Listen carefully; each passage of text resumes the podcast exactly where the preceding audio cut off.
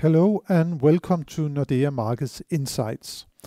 My name is Helge Petersen. I'm Chief Economist with Nordea, and with me today in the studio is Chief Analyst Holger Sandte. Welcome, Holger. Thank you, Helge.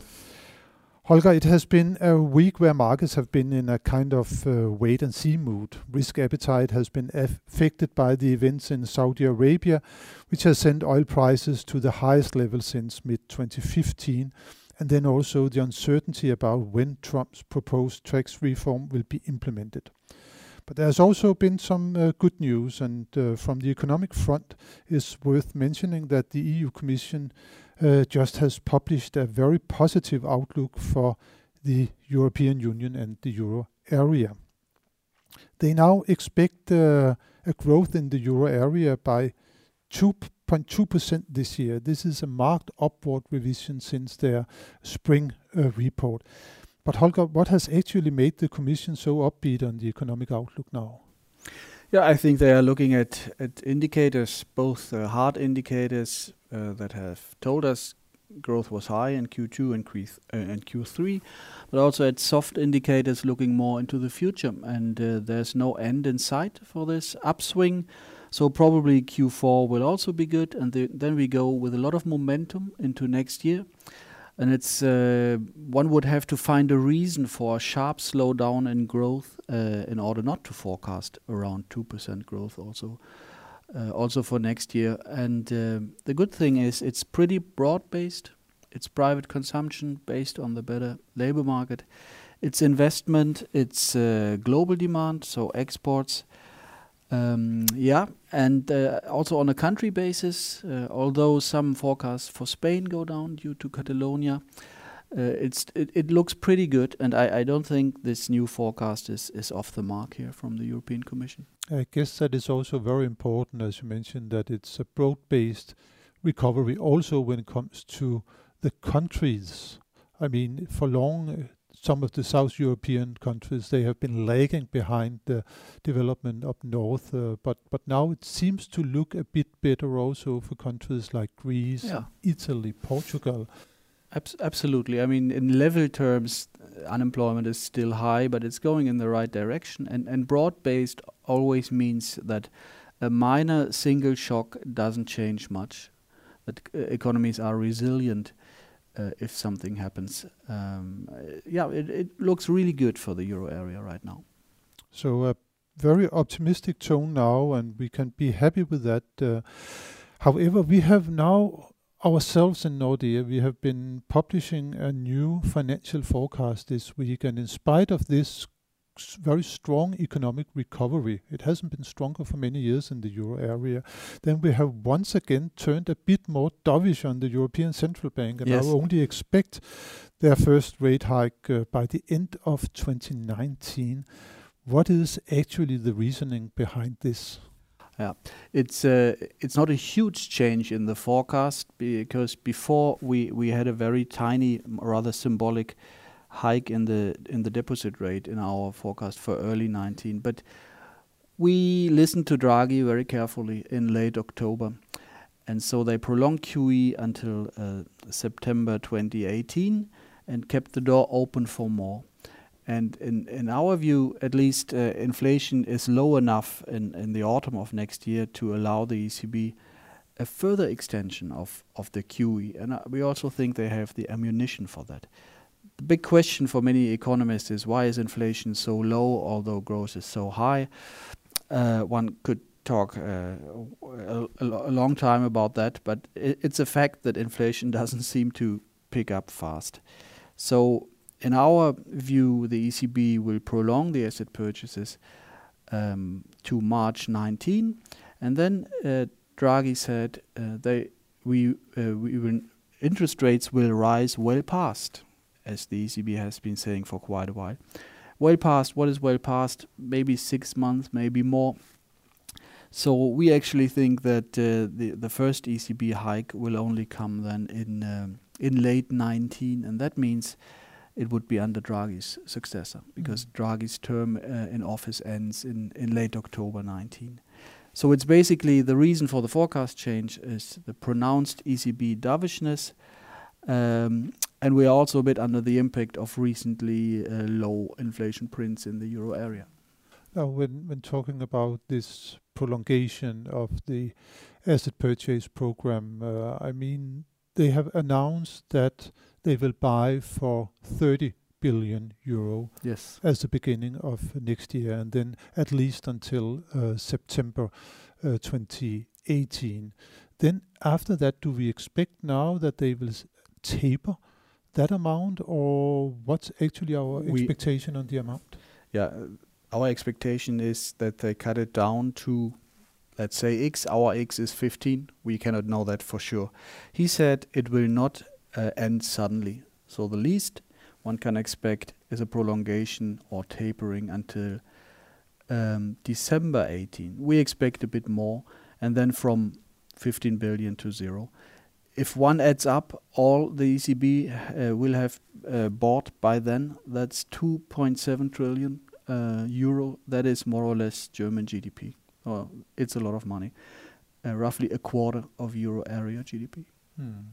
Really a lot of money. And then only after they have stopped buying, there will be a long period probably where they're going to reinvest Yes. principals. So Yes. it will take very long time before we actually see the European Central Bank really scaling down its balances. Absolutely. And these reinvestments, um, more or less uh, 10 billion euro uh, per month on average next next year, um, they come on top of the net purchases.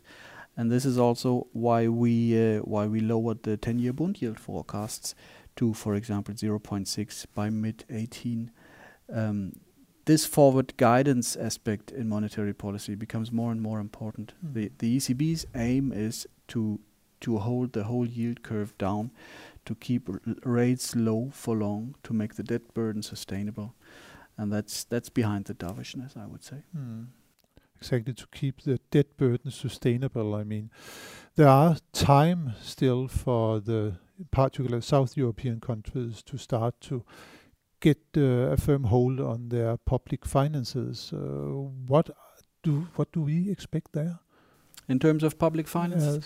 well, the the big times of fiscal cuts are, are fortunately fortunately over. I would say many countries are on a good course to uh, to get uh, really a hold on on their deficits. Uh, also, also Italy. We have a, an election uncertainty there. Uh, all in all, I would say that fiscal policy will be broadly neutral. So, uh, structural deficits unchanged, and overall deficits uh, shrinking due to the good economy. Hmm.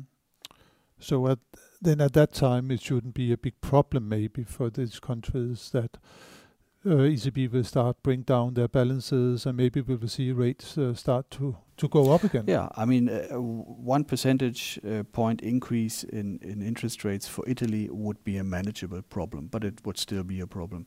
But if we talk stronger increases, then the high debt countries uh, can face a lack of demand for their bonds, and we know where this could lead. Uh, we have seen that in 11 and 12. So the countries really have to use the time to uh, to bring deficits down and to to make the burden sustainable. Hmm.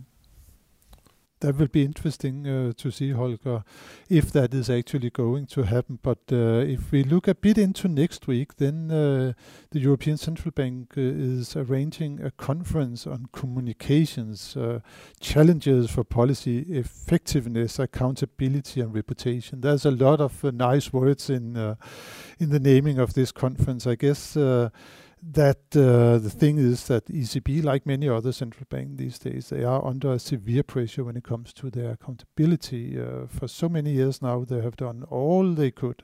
I mean, used all the ammunition they have to get inflation back to the target, but still, also when it comes to the euro area, it's so far away that they have to, as we have been talking about, to keep on uh, having this extremely lenient monetary policy going for a long time. Yet, uh, what do you actually expect at this open media conference that uh, Draghi and Yellen is also participating, Yeah.